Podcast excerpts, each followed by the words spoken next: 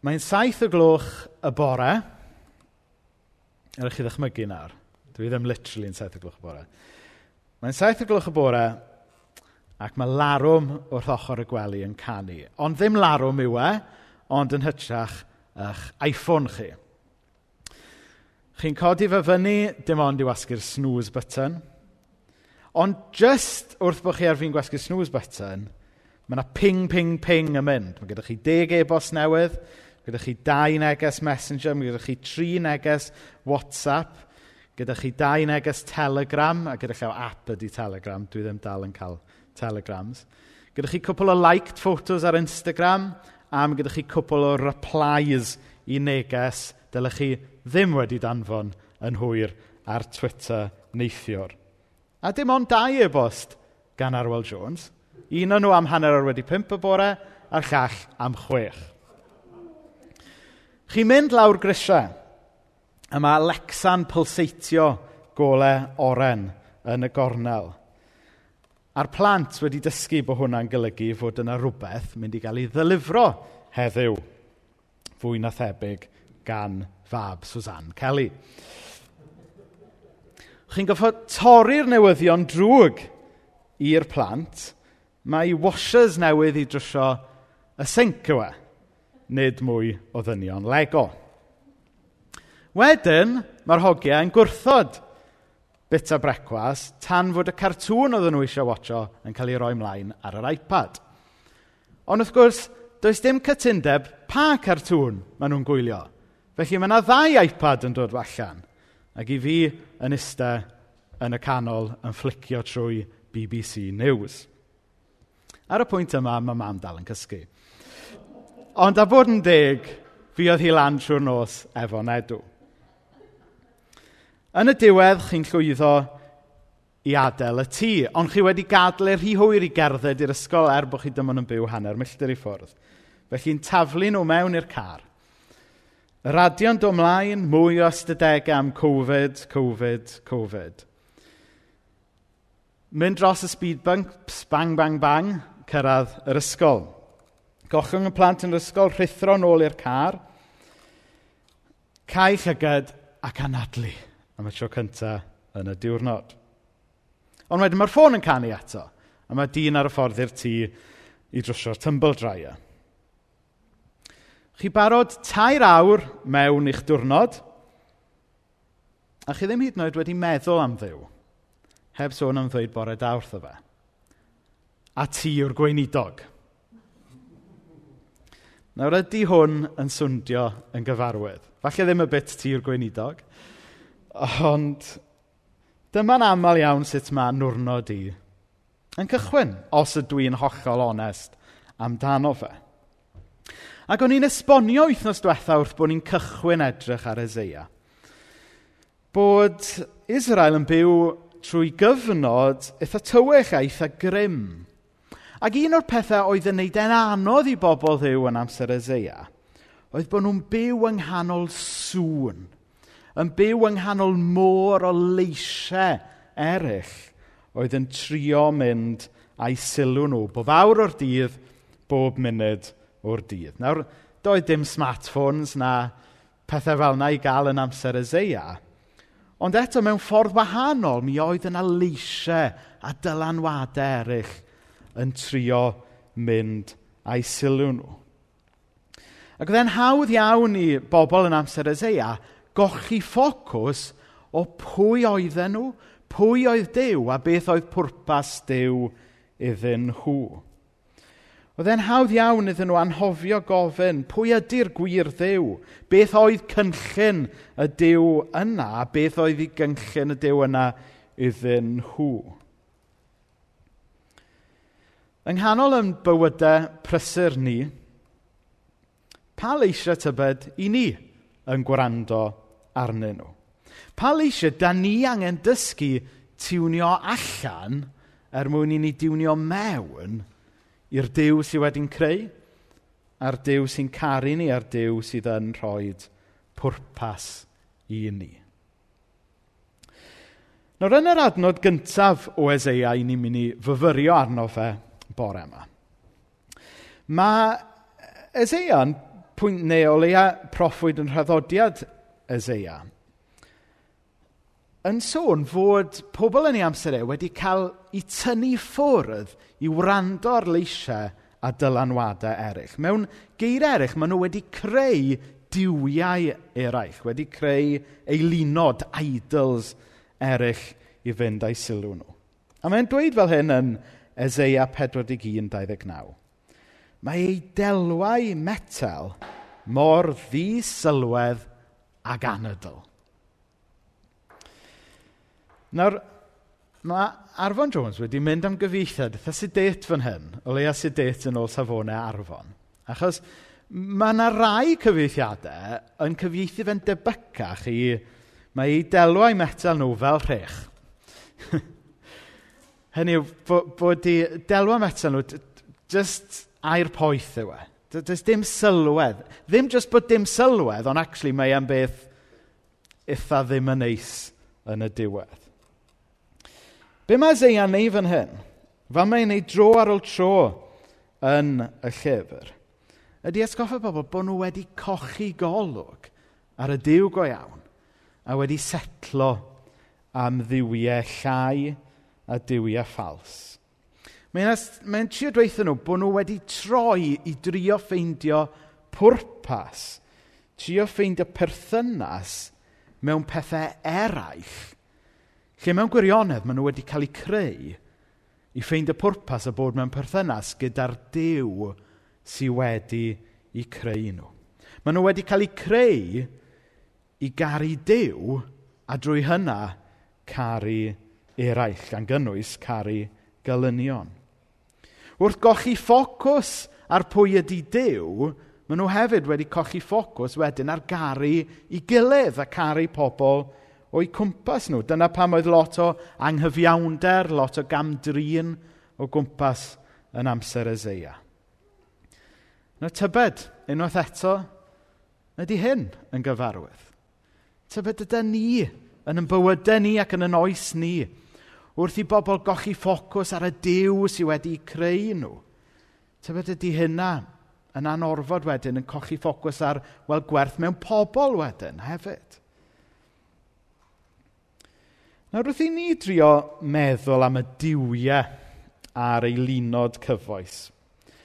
Nawr mae e'n rhy hawdd falle i ni feddwl, wel, chybod, y, y diwiau a'r eilunod cyfoes ydy arian, pwer a rhyw tybod, mae dyna ni. Mae rheina yw'r fel yr, y go-to enghreifftiau cyfoes o eilinod. Um, ond beth sydd eisiau ni wneud mewn gwirionedd ydy archwilio'n onest le ni yn cyfrin gwerth. Falle yn yn cyflog, falle yng ngwerth yn tŷ, falle faint o bensiwn sydd gyda ni, A falle drwy ofyn y cwestiynau yna, peth yna'n iawn yn ei lle, ond wrth ofyn faint o headspace, faint o chi yn calon mae'r cwestiynau yna'n cymryd, bod ni'n ostynedig yn gorfod dweud, wel ie, mae'r pethau yna'n gallu bod yn ddiwiau a gallu bod yn eilen. Neu falle bod angen i ni ofyn y cwestiwn le i ni yn ffeindio yn pwrpas, falle yn yn swydd. Falle yn y rôl sydd gyda ni yn yn cymuned. Falle yn y rôl sydd gyda ni hyd yn oed yn y capel neu yn yr eglwys. Unwaith eto, pethau sy'n iawn yn ei lle, ond os mae dyna sydd wrth galon yn bywyd a'n pwrpas ni, yna tybed ydy'r pethau yna wedi dod yn eilen. Neu falle bod angen i ni chwilio le ni'n ffeindio cysylltiad ac affirmation mewn bywyd. Ar Instagram, ar Facebook neu Twitter falle. Pethau sy'n iawn yn ei lle, ish. Ond os ydy ni yn poeni faint o likes da ni'n cael, neu faint o comments, neu pwy sy'n cytuno gyda ni a pwy sydd ddim, a mae dyna sydd yn rhoi heddwch i ni ar ddiwedd pob dydd, neu'r peth cyntaf yn y bore – Yna tyfed ydy'r pethau yna hefyd wedi gallu dod yn eilyn i ni. Y pethau mae gyd, swydd, cartre, gwaith, rôl yn yr eglwys, maen nhw gyd yn bwysig a maen nhw gyd yn iawn yn ei lle. Ond maen nhw'n gallu dod yn ddiwia bach yn yn bywyd ni, dydyn? Maen nhw'n gallu dod yn eilyn, yn idols i ni. A dwi'n teimlo fod eilinod chydig bach fel bad breath. Chi'n gallu ogleio fe ar pobl eraill, ond chi beth yn ei ogleio fe arnoch chi eich hun. a mae hwnna'n sicr yn wir amdana i. A falle bod hwnna'n yn sialens i rywun yma bore yma neu rywun sy'n gwylio o adre. Mae Ezeia'n dweud wrth bobl i ddydd e, i wylio rhag roi ffydd yn y diwiau ffals yma i roi di ffydd mewn diwiau ac eilunod sydd ddim byd ond a'i'r poeth. Nawr o fynd ymlaen wedyn at yr ail adnod dwi eisiau ffocysu arno bore yma, Ezeia 44.6.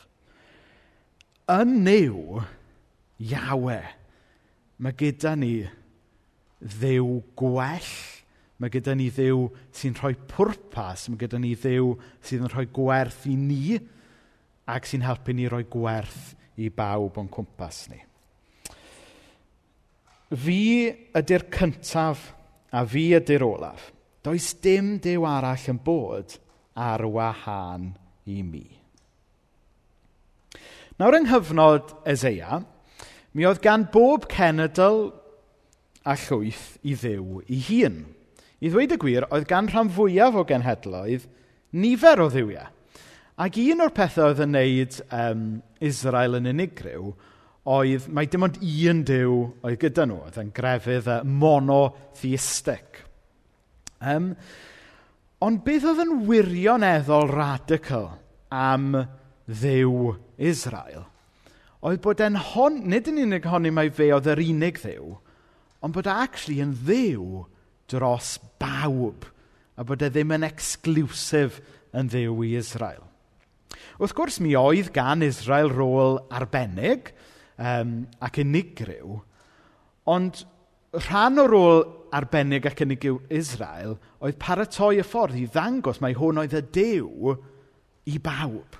Hwn oedd y Dew oedd wedi creu y cosmos ac yn cynnig achub y byd cyfan.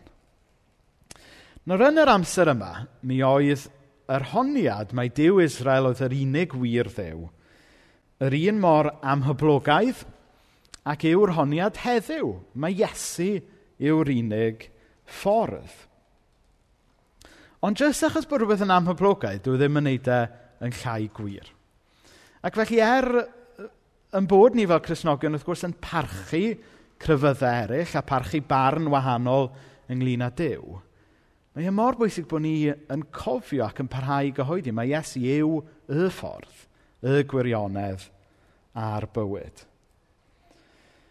Achos rhan mawr o'r gobaith chrysnogol yw mai nid cyflwyno nifer o opsiynau ma yn dew ni, ond dod i gynnig cariad maddeiant a bywyd yn ei holl gyflawnder creawdwr y cosmos yn dod i achub y greadigaeth gyfan. Mae yna ddyfyniad da gan um, weinidog o America, Tim Keller.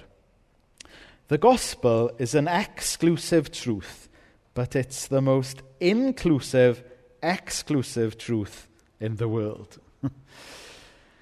Hynny yw, fel Cresnogion, da ni'n credu mae Iesu yw yr unig ffordd. Ond ma'r ffordd yna ar agor i bawb sydd yn troi ato fe. Fi ydy'r cyntaf a fi ydy'r olaf. Does dim dew arall yn bod ar wahân i fi. A falle, chybod, pan i chi wedi ffeindio'ch hunan mewn twll, pan i chi wedi hitio'r gweilod, yna ddim opsiynau chi rili really eisiau, ond ffordd, ynddo fe?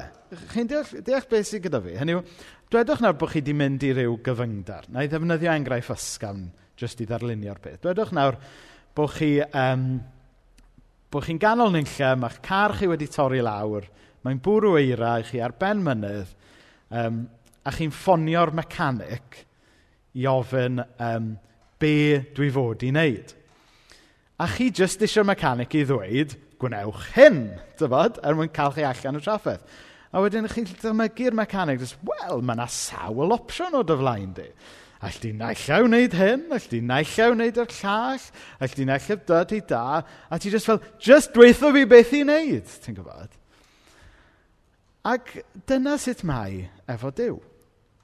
Pan da ni'n ffeindio yn bywydau falle wedi torri, pan da ni'n ffeindio perthnasau o'n gwmpas ni wedi torri, pan da ni'n edrych ar fyd toredig o'n cwmpas ni, na nid opsiynau da ni isio, ond ffordd. A mae Iesu yn cynnig y ffordd yna i ni fel yr unig wir ddew. Enghraifft ysgafn arall i chi. Rodri'n chwerthin achos mae gyda fe copi o'r nodiadau so mae'n gwybod beth sy'n dod. Nawr, um, dwi'n gwybod os da chi um, yn gwybod beth di Netflix surfing. Uh, falle, na, oce, okay, neb. O oh, na, mae Arwel yn gwybod, oce. Okay. Hynny, pan da chi'n... Mae gwaith y dydd wedi darfod, mae'r gegin yn lan at aclus, mae'r plant yn ei gwely, a un o'r nosweithiau pryn yna, le da chi'n llist ar y soffa. A chi'n penderfynu, o, na i weld beth sy'n ar Netflix, neu iPlayer, neu beth bynnag. A wedyn chi sy'n flicio trwyddo. Ti'n watch hwnna? Na, na, ti'n watch hwnna. Ti eisiau watcha? Gyd i watcha fes ti moyn? Na, neu watcha. Oce, okay. watcha hwnna. Watcha hwnna. Mae bach yn hwyr na. Dwi'n just mynd i gwely? Oce, okay, dwi'n just mynd i gwely. Ti'n hynny yw, yn ganol yr holl opsiynau, chi'n handlan ddim yn wasio dim byd. Mae beth yn haws bod nhw'n dysgu ni pedwar sianel. Dydy mwy opsiynau mewn bywyd, ddim o reidrwydd yn beth da. A dwi'n meddwl bod yr un peth yn wir pan mae'n dod i gwestiynau mawr bywyd. Pan mae'n dod i gwestiynau tragwyddol bywyd. Nid opsiynau da ni angen, ond ffordd. Mae bywyd yn rhy fyr i chansio hi gyda sawl gwahanol dew bach neu sawl gwahanol eilyn yn yn bywyd. Be da ni angen ydy roi rheina i lawr ac edrych at Iesu. Iesu sydd yn cynnig bywyd yn ei holl gyflawnder, Iesu sy'n cynnig maddeiant. Iesu sydd yn achub y byd a mae'n cynnig lle i ni yn y cynllun rhyfeddol yna. Mae Anne Griffiths wedi dweud ganrifoedd yn ôl erbyn hyn, beth sydd i mi mwy a wnelwyf ag eilunod gwael y llawr? Tystio wyf na dew ei cwmni yw gystadlu am Iesu mawr. O am aros yn ei gariad ddyddiau foes oedd Anne Griffiths wedi deall. Mae'r holl eilunod yma, yr holl ddiwiau bach yma da ni'n chi creu yn yn bywyd, maen nhw'n ddim byd i gymaru efo be mae Iesu yn ei gynnig. Ond rhai ydy ni, ynddo, oherwydd y natur ni, da ni'n setlo am rhywbeth llai trwy'r amser yn dydan. Dwi'n cofio rai blynyddoedd yn ôl pan oedd um, tad Will Bowden yn pregethu, Richard Bowden. Dwi'n cofio y noson yna. Ac un o'r dalweddau oedd efo fe, dwi'n cofio'r stori, ond dwi'n cweith i cofio'r pwynt oedd yn trio wneud, so dwi'n probably mynd i iwsio fe i wneud pwynt gwahanol nawr. Ond gyda fe rhyw stori am um, rhyw wraig um, oedd wedi bod yn paratoi swper mawreddog trwy'r dydd. A wedi bod yn paratoi starter hyfryd, wedi bod yn paratoi y prif gwrs a pwdyn a pob dim wedi bod yn slafio yn y gegin trwy'r dydd yn paratoi y swper hyfryd yma. A wedyn y gŵr yn cyrraedd adre, um, nid fel na mae'n tu ni, ond um, y gŵr yn cyrraedd adre, a rai yn gyffroes i gyd i sôn am y swper mawr ddeddog yma sydd yn ei ddisgwyl e. A'r gŵr yn mynd, actually, I'll just have a hamburger. a da ni weithiau yn lle bod un peth efo Iesu'n dydan. Mae Iesu'n cynnig y gorau i ni. Mae'n cynnig y bywyd gorau i ni. Mae'n cynnig bywyd tragwyddol i ni. Ond da ni jyst yn setlo am yr hamburger. am y diwiau eraill, am yr eilunod eraill sydd yn yn bywyd. A trio ffeindio satisfaction yn y pethau yna. Tra bod y peth gorau ar gael i ni yn Iesu am ddim ac fel rhodd allan o'i gariad e. Felly nes i ddechrau bore yma drwy sôn am y distractions sydd o'n cwmpas i. A dwi'n siŵr fod yna distractions a lleisiau eraill o'ch cwmpas chi hefyd. Ond yng nghanol y distractions a'r sŵn yma, mae yna wahoddiad bore yma i ni diwnio allan o'r rheina a tiwnio mewn i'r dew sydd wedi'n creu ni a'r dew sydd wedi yn caru ni. Ac wrth i ni ddechrau edrych tuag at y Nadolig, i ni'n cofio bod y dew yna – wedi ploncio ei hun reit o'n blaenau ni yn Iesu Grist. I hawlio'n sylw ni i fyw yn ymplith. Dyw efo ni. Dyw sydd wedi dod i roi rhyddid i ni. Ac enw y rhyddid yna ydy Iesu. Gadewch i ni blygu pen mewn gweddi. Wel, y ddiw dad, yn ostynedig, i ni gyd yn cyffesu yn bod ni'n llawer hi aml yn gadael i leisiau a dylanwadau a diwiau bach eraill godi yn yn bywyd ni a mynd a'n sylw ni. Maddau ni am y troion le da ni yn ffeindio, trio ffeindio'n gwerth yn y pethau yna. A gad ni yn hytrach edrych sy'n gat groes Iesu, lle ni yn gweld yn gwerth fyna. Pa mor werthfawr ydy ni? Wel, da ni ddigon gwerthfawr Iesu roed di einioes drosta ni. Dyna pa mor werthfawr ydy ni yn dolwg di. Felly o ddiw dad mewn byd o opsiynau dangos i ni be ydy y ffordd. I ni'n diolch mae Iesu yw y ffordd, y gwirionedd a'r bywyd. A mae'r ffordd yna sydd yn arwain ni at y rhyddid sydd i gael ymreichiau y tad. Felly o ddiw dad gad i'r neges yma um, effeithio'n calonau a cyfeiriad yn bywyd ni bore yma a pawb sy'n gwylio o adre. O Dduw dad, i ni'n gofyn i'r ysbryd glân symud unrhyw neges da ni wedi clywed bore yma o'r pen a cyffwrdd y galon. Da ni'n gofyn hyn yn enw arbennig Iesu Grist. Amen.